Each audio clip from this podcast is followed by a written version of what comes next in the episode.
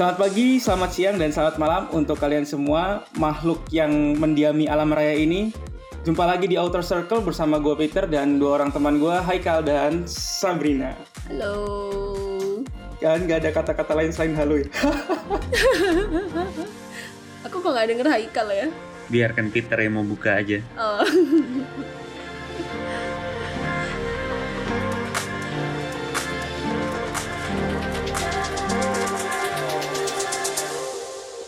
Halo teman-teman, apa kabarnya? Baik-baik saja? Pasti dong.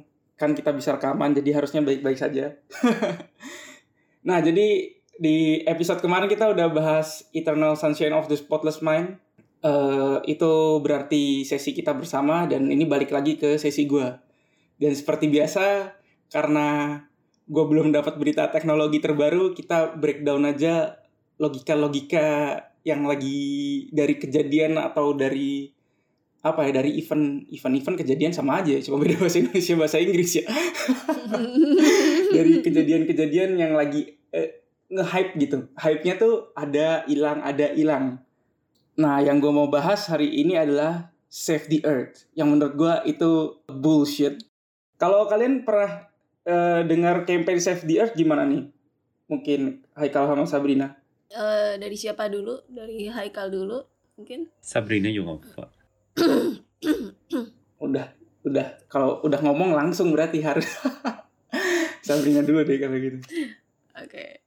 Eh, campaign Save the Earth. Sebenarnya aku juga eh, aku sebenarnya salah satu penggiat orang salah satu apa ya penggiat itu sih Save the Earth. Cuma aku agak sungkan gitu. Misalkan kalau misalkan kayak ngelihat orang mm, pakai plastik terus aku mau negur atau kayak bilang kok lu pakai plastik sih? Gini gini berceramah dari A sampai Z. Aku jujur aja sungkan karena eh pertama itu pilihan hidup orang masing-masing dan yang kedua em, kita kita pasti melakukan apa ya melakukan peran kita masing-masing. Mungkin dia memang pakai plastik karena memang terpaksa di saat itu gitu. Dan ya eh gimana ya? Eh campaign Save the Earth itu juga menurut aku ada sisi positif dan sisi negatifnya juga sih. Tapi ya eh nanti kita lihat pendapatnya Mas Peter gimana. Nanti eh I'll give my two cents after that gitu Oke, kalau Haikal gimana?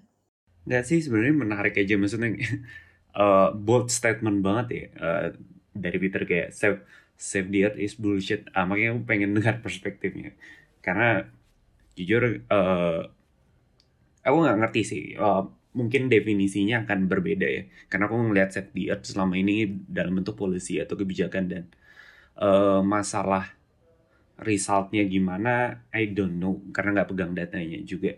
Cuman menurut aku secara personal ya eh, cukup memaksa lah. Contoh misalnya eh, policy yang bilang eh, boleh bilang Indomaret Alfamart nggak sih. Ya udah bilang aja. Indomaret Alfamart yang nggak boleh pakai eh, kantong plastik lagi di beberapa region dan beberapa kota menurutku ya minimal eh, kalau nggak punya behaviornya eh, itu cukup memaksa gitu. Yang selama ini aku nggak pernah punya tas belanja, akhirnya punya tas belanja gitu. Dengan kondisi aku dipaksa sebenarnya. Makanya pengen eh, denger perspektif bold statementnya yang tadi sih yang kayak eh, save the earth is bullshit. Aku pengen tahu sih. Kayaknya lanjut dulu aja. sebenarnya bukan bold statement itu kal gue nya aja nyari perkara sama SJW SJW Save the Earth biar viral kita ya gue mau bahas dari awalnya dulu ya. Oke. sebenarnya campaign Save the Earth ini kan udah lama nih. Dan patternnya tuh hilang timbul hilang timbul gitu hype-nya. Dan mulai santer lagi tuh di tahun 2018-2019 di mana video yang udah lama nih yang tentang penyu hidungnya kemasukan sedotan plastik dan susah banget dicabutnya tuh sampai berdarah-darah. Dan satu lagi tuh video paus yang perutnya keisi plastik semua itu muncul lagi. Jelas jadi viral dong sampai akhirnya banyak orang yang ngeluarin campaign Save the Earth anti sampah plastik salah satunya yang terkenal ya mungkin lu semua ngerasain McDonald's Sempat ngerasain kan lo, McDonald's itu udah nggak ngasih sedotan lagi di tiap pembelian minumannya. Dengan dalih, sayangi penyu dan laut. Terus lo juga pasti kenal sama tren sedotan logam kan, yang terjadi di saat yang barengan lah, di saat yang sama gitu. Padahal, bulu-bulu pembersihnya terbuat dari plastik juga. Dan bungkusnya, packagingnya mereka itu pakai plastik juga. Nah, di tahun 2020 nih, campaign Save the Earth ini viral lagi nih. Karena kita kan di rumah aja kan, jadi banyak takeaway dan pesan-pesan online. Banyak banget sampah plastiknya kan. Nah, akhirnya banyak daerah yang ngeluarin kebijakan dan bisnis-bisnis yang riding that wave untuk pakai tas belanja atau tote bag. Kenapa bisnis-bisnis ini riding that wave? Ya jelas ngikutin pemerintah dan ultimate goalnya sebenarnya adalah mereka mau tetap relevan dan Anda jadi engage dan beli produk mereka dong. Ya kan? Oke deh, di luar bisnis nih. Kalau kita lihat sebenarnya gerakan ini kan bagus ya. Terus kenapa sih gue nggak setuju? Sampai gue bilang itu gerakan ini tuh bullshit gitu. Nah sebenarnya yang gue lihat di sini adalah miskonsepsi yang akhirnya berujung pada pengambilan keputusan dan behavior yang salah gitu. Untuk tahu miskonsepsinya di mana, kita bedah dulu nih Save the Earth ini awal mulanya dari mana nih. Nah, untuk mengetahui hal tersebut kita tuh harus ngerti dulu, nih konsep dari adaptasi sama seleksi alam di mana suatu makhluk hidup yang dapat tinggal di suatu tempat tertentu itu menunjukkan bahwa makhluk hidup tersebut dapat beradaptasi dengan kondisi lingkungan di tempat itu. Bukan kondisi lingkungannya yang dalam tanda kutip diciptakan untuk cocok sama makhluk tersebut. Jadi manusia ini bisa hidup di bumi karena manusia itu bisa beradaptasi sama kondisi lingkungan di bumi. Bukan buminya diciptakan untuk manusia. Nah, ketika manusia ini nggak lagi bisa beradaptasi dengan kondisi lingkungannya di bumi, ya manusianya akan punah. Nah, harusnya sampai sini lo tahu dong, mau bawa-bawa ke mana nih, ya kan? Jadi nih kalau sampah-sampah ini menyang uh, sampah-sampah kita ini mencemari lingkungan, baik di tanah, air maupun di udara, kita jadi punya pertanyaan bisa nggak manusia beradaptasi dengan kondisi lingkungan yang udah tercemar tersebut? Nah kalau sekarang jawabannya pasti enggak dong. Makan kotor dikit aja infeksi usus. Kayak gua tuh kemarin kan. Keracunan CO atau CO2 mati. Nah, jadi sebenarnya terminologi save the earth ini kurang tepat. Yang benar itu adalah you want to save your fucking self. Lu pengen menyelamatkan diri lu sendiri. Lu sebagai manusia itu pengen bertahan hidup, that's it. Nah, bumi ini sendiri sih bakal berjalan sebagaimana adanya, walaupun nggak ada manusia yang bisa beradaptasi di bumi ini. Banyak loh makhluk hidup yang bisa bertahan hidup tanpa oksigen, berada di lingkungan ekstrim kayak suhu yang super panas atau super dingin, atau tingkat keasaman yang tinggi, itu banyak. Jadi bumi ini akan berjalan sebagaimana adanya dengan atau tanpa manusia. Nah, kita balik lagi deh ke tas belanja yang tadi sempat disinggung sama Haikal. Tujuannya adalah mengurangi sampah plastik yang sulit didaur ulang oleh alam atau lingkungan, sehingga dengan pengurangan sampah plastik tersebut, kita juga dapat mengurangi efek pencemaran pada ekosistem. Sehingga lagi nih, bumi ini dapat tetap dihabitasi atau ditinggali oleh manusia. Namun yang terjadi adalah behavior atau kebiasaan kita itu nggak berubah. Kita cuma sekedar lihat ngurangin sampah plastiknya aja tanpa tahu sebenarnya tujuannya apa gitu. Akhirnya jadi nge-hype kan. Ngasih giveaway pakai tote bag. Ngasih hadiah kayak hadiah kantor atau cindera mata, ya hadiahnya berupa tote bag juga. Soalnya tote bag ini akhirnya lama kelamaan jadi fashion gitu kan akhirnya tiap kali belanja beli tote bag baru belum lagi yang tadi gue bilang riding that wave-nya si tote bag ini akhirnya tiap beli online bungkus pakai tote bag soalnya mereka nggak nyediain plastik lagi dan lain-lain. Padahal tujuannya kan kita ngurangin sampah plastik dengan pakai tote bagnya tuh tote bagnya satu aja tapi lu pakainya berkali-kali gitu. Bukan behavior lu sama kayak plastik sekali pakai. Beli plastik sekali buang. Beli plastik sekali buang. Beli tote bag sekali buang. Beli tote bag sekali buang. Bukan gitu. Tapi satu tote bag dipakai terus-terusan. Nah akhirnya ya coba aja lihat berapa tote bag sekarang yang ada di tempat tinggal kalian. Kalau udah punya 100 tote bag gitu gue tanya mau diapain? Pasti ada yang dibuang dong. Apalagi yang bekas beli-beli kopi gitu yang kecil panjang nggak jelas kan lo mau dipakai lagi buat apa kan? Iya nggak? Iya dong aku aja deh. Nah padahal nih tote bag ini itu juga bukan benda yang gampang daur ulang gitu oleh alam. Akhirnya kita cuma mindahin aja sampah plastik jadi sampah tote bag gitu. Yang mana? Yang tadinya laut atau perut paus itu keisian plastik di masa depan mungkin keisinya sama tote bag. Itu sih poin gue di mana campaign ini nih akhirnya hanya jadi hype. Dan orang-orang itu nggak tahu sebenarnya konsepnya kayak apa. Tapi mereka ikut-ikutan dan ikut-ikutan juga ngejudge orang-orang yang menurut mereka itu nggak sayang sama bumi padahal behavior mereka sendiri itu nggak berubah nggak jadi sayang bumi juga behaviornya mereka itu yang berujung ya tadi cuma jadi konversi polusi aja gitu Halo, kalian masih ada di sana? Ya, Suara lu hilang. tadi tadi sempat hilang. Dari mana hilangnya? Tadi sempat hilang. Dari mana beberapa hilang? kali, beberapa kali hilang. Banyak. Iya, heeh, heeh. Tapi gue masih nangkap poinnya sih. Kayak gue dulu. Hmm. Iya. Hmm. Oke, oke, oke. Gimana, Haikal? Satu, yang pertama tuh cuma masalah diksi ya. Karena menurutku bahasa eh, masalah diksi dalam artian eh, kadang ada beberapa hal yang penting eh, meaningnya yang kita pahamin konsepnya sama gitu. Jadi kayak save diet, save eh, our lab sebenarnya eh, menjurus ke hal yang sama. Ya oke lah, ada beberapa orang yang kadang nggak cuman kayak sini yang permasalahan masalah diksi kayak kalau aku sih eh, ya oke oke aja. Karena maksudku bahasa tuh tujuannya adalah menyampaikan selama tersampaikan aku nggak ada masalah sebenarnya kalau masalah diksi ya. Lalu oke Eh, aku pernah discuss sama eh, orang yang maybe kuliah di eh, teknik lingkungan Eh, konsepnya mereka selama ini eh, di teknik lingkungan seperti apa sih gitu. Eh, konsepnya adalah bukan bukan menghilangkan dampak mereka lebih ke arah reduce atau mengelola dampak. Maksudnya gini eh, contoh misalnya eh, kita pengen banget nih eh eh, dalam itu polusi udara yang berlebihan bla bla bla bla.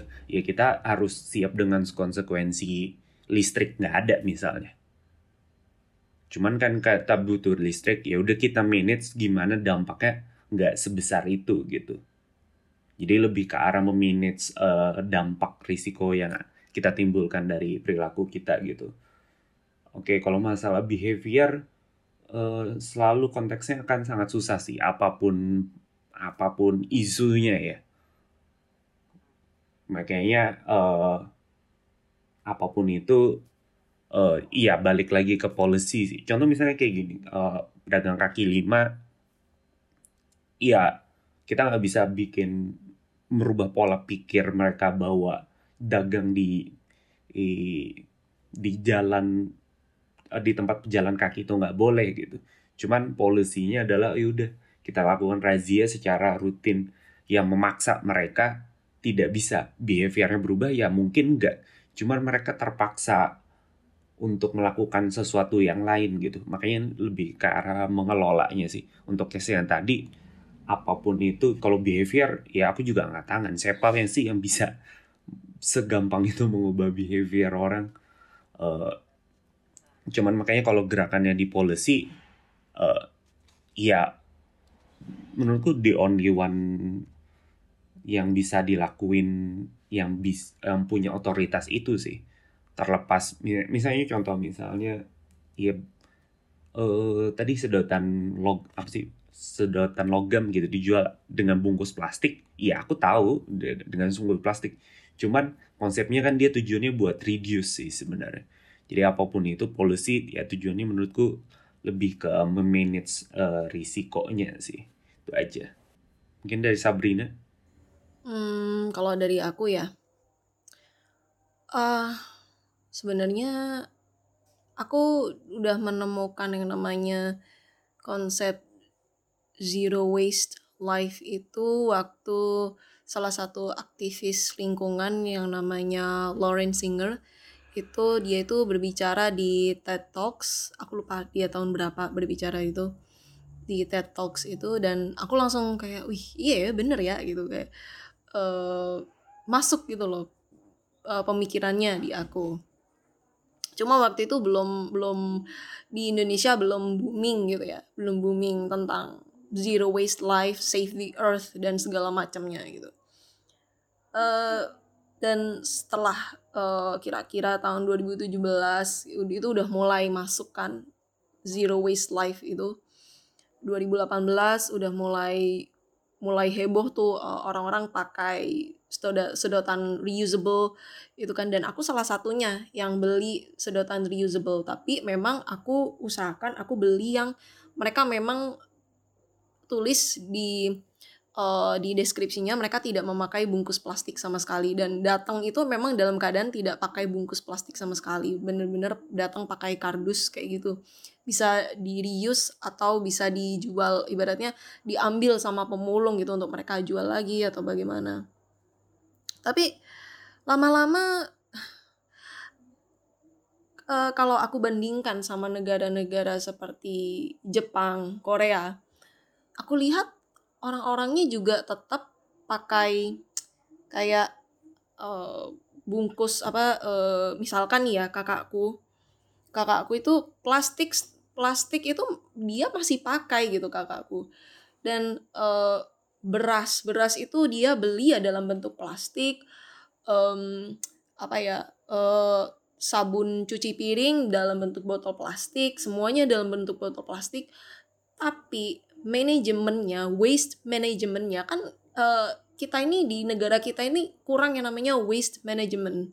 Jadi semua semua itu berakhir di tempat pembuangan akhir. Dan di situ nggak peduli itu sampah plastik, kaleng, kardus, kotak, kertas itu semua numpuk jadi satu. Sedangkan kalau di Jepang yang setahu aku itu mereka itu setiap hari itu ada hari-hari tersendiri.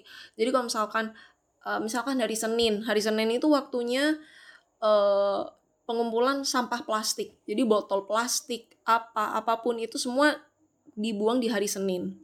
Udah hari Selasa, hari Selasa itu waktunya sampah kaleng. Udah sampah kaleng tuh di situ dikumpulkan di hari Selasa. Hari Rabu sampah kertas apa. Jadi uh, waste manajemennya itu sangat tepat mereka itu. Jadi mau mau uh, sebanyak apa pun yang dipakai oleh masyarakat sampah plastiknya. Tapi pemerintahnya itu tahu cara merecycle, caranya manage uh, uh, sampah semua yang ada di ada di negaranya itu mereka tahu.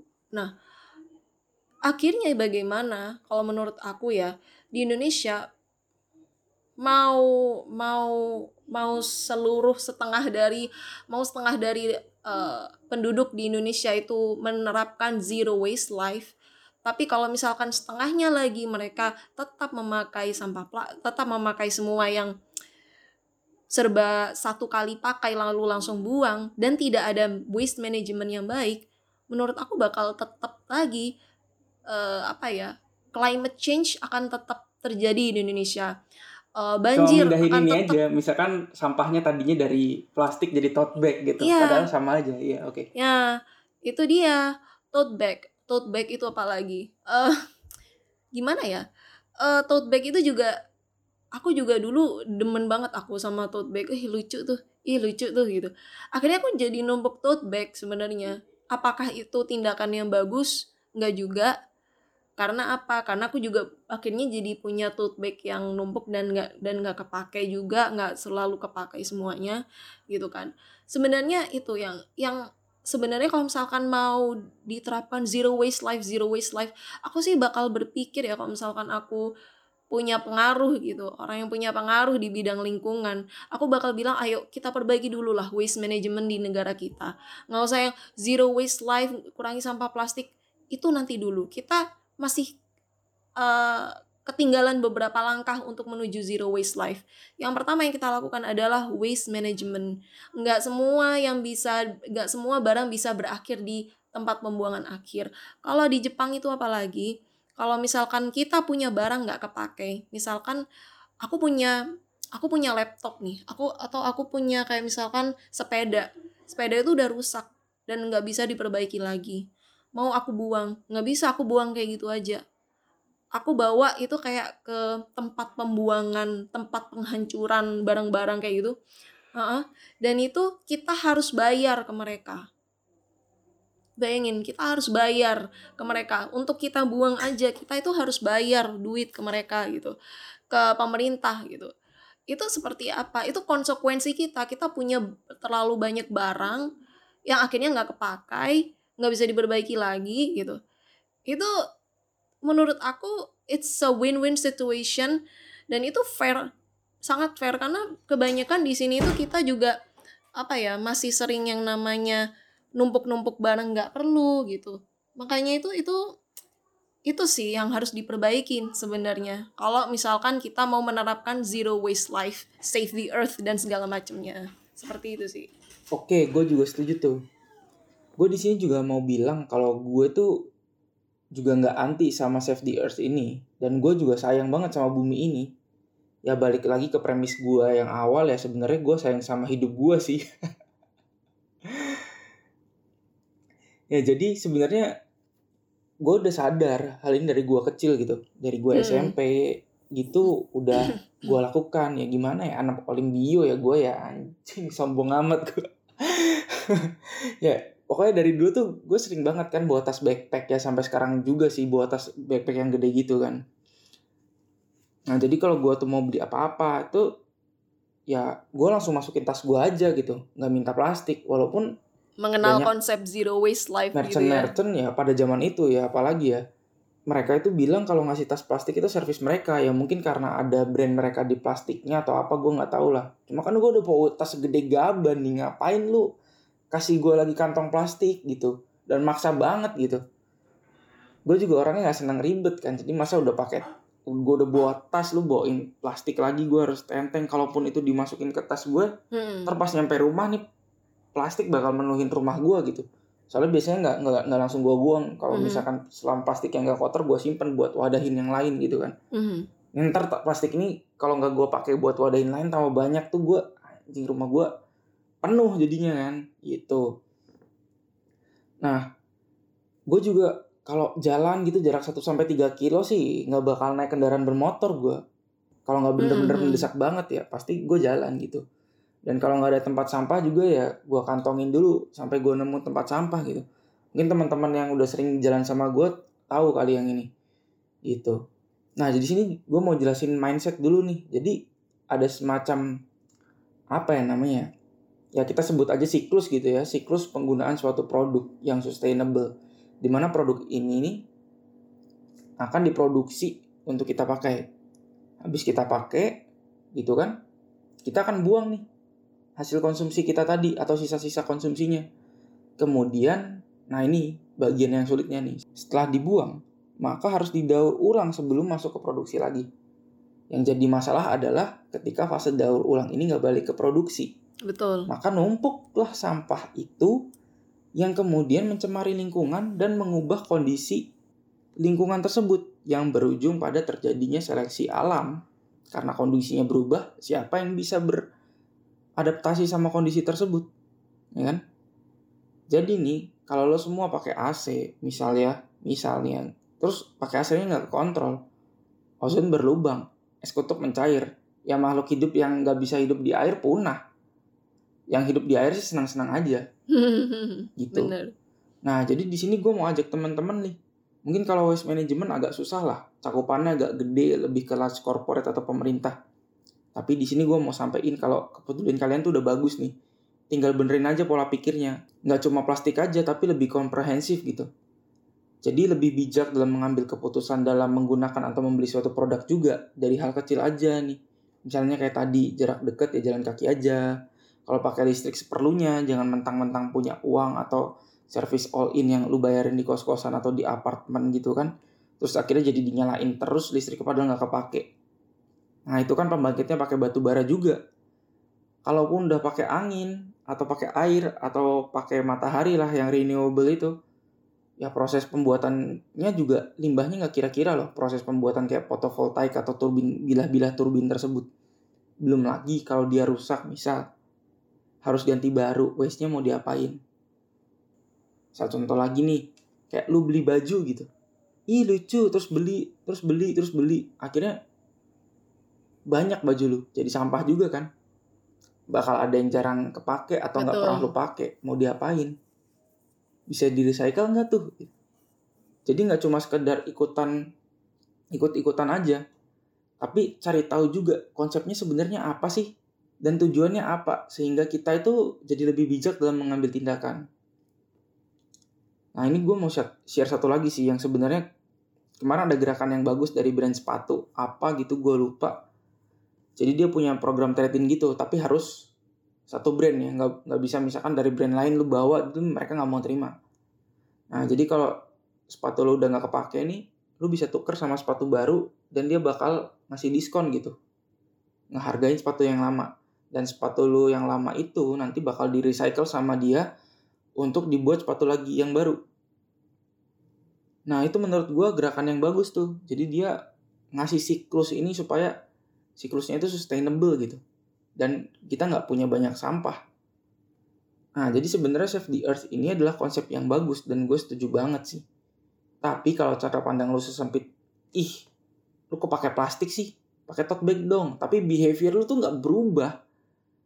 Lu pakai tote bag sama aja kayak behavior lu pakai plastik. Dan save the earth is a total bullshit. Itu sih kesimpulan dari gue. Aku satu aja. Eh karena aku agak kurang sih sebenarnya. Yang sama yang yang tadi ada satu poin yang dari eh, Sabrina. Sorry itu sih. Eh, mau seribu orang tidak melak- eh, melakukan hal buruk it doesn't mean kita berkata kayak yaudah yang kita lakuin juga nggak ada gunanya. Ya nggak juga gitu. Maksudnya eh, terlepas orang mau seperti apa ya ya lakuin lakuin aja gitu. Nggak usah berpikir bahwa kayak yaudah gak ada dampaknya juga yang lain juga ah iya. j- uh, Mm, berbuat uh, ya kayak uh, gitu ya. mm-mm. j- uh, tetap Nah, yang do the best ah, lah. Bener. Itu aja sih. Iya gue setuju banget tuh Kal. Benar-benar Jadi terakhir ya eh, Mungkin tadi gue kurang jelas atau ada yang kelewat gitu gue mau bahas tentang resource. Jadi Pertambahan jumlah manusia itu nggak diikuti sama pertambahan jumlah resource. Maksudnya eh, resource kita nih kayak air Air bersih gitu Air bersihnya mungkin nggak bertambah Atau bertambah tapi nggak secepat pertambahan jumlah manusia Akhirnya manusia yang membutuhkan air bersih itu semakin banyak tapi resource cuma segitu aja. Jadi tentang resource ini kita juga harus lebih bijak sih. Kalau kita mau tetap bisa menghabitasi atau tinggal di bumi ini gitu. Kita harus lebih bijak. Jangan mentang-mentang kita punya privilege terus kita pakai resource-nya terus kita boros-borosin gitu kan. Oke, jadi gitu kita tutup aja kesimpulannya pada episode kali ini adalah kalau kalian benar-benar mencintai bumi ini dan masih pengen hidup di bumi ini ya coba ubah cara pandangnya, ubah behaviornya. Ya mudah-mudahan bumi ini tetap sehat untuk tetap bisa kita tinggali sampai kita beranak cucu nanti. Ya sampai situ aja daripada gue mulai nggak berfaedah seperti biasanya. Kita kita sudahi selagi saya masih bijak. Sampai jumpa lagi di episode Outer Circle berikutnya. Bye bye. bye Bye.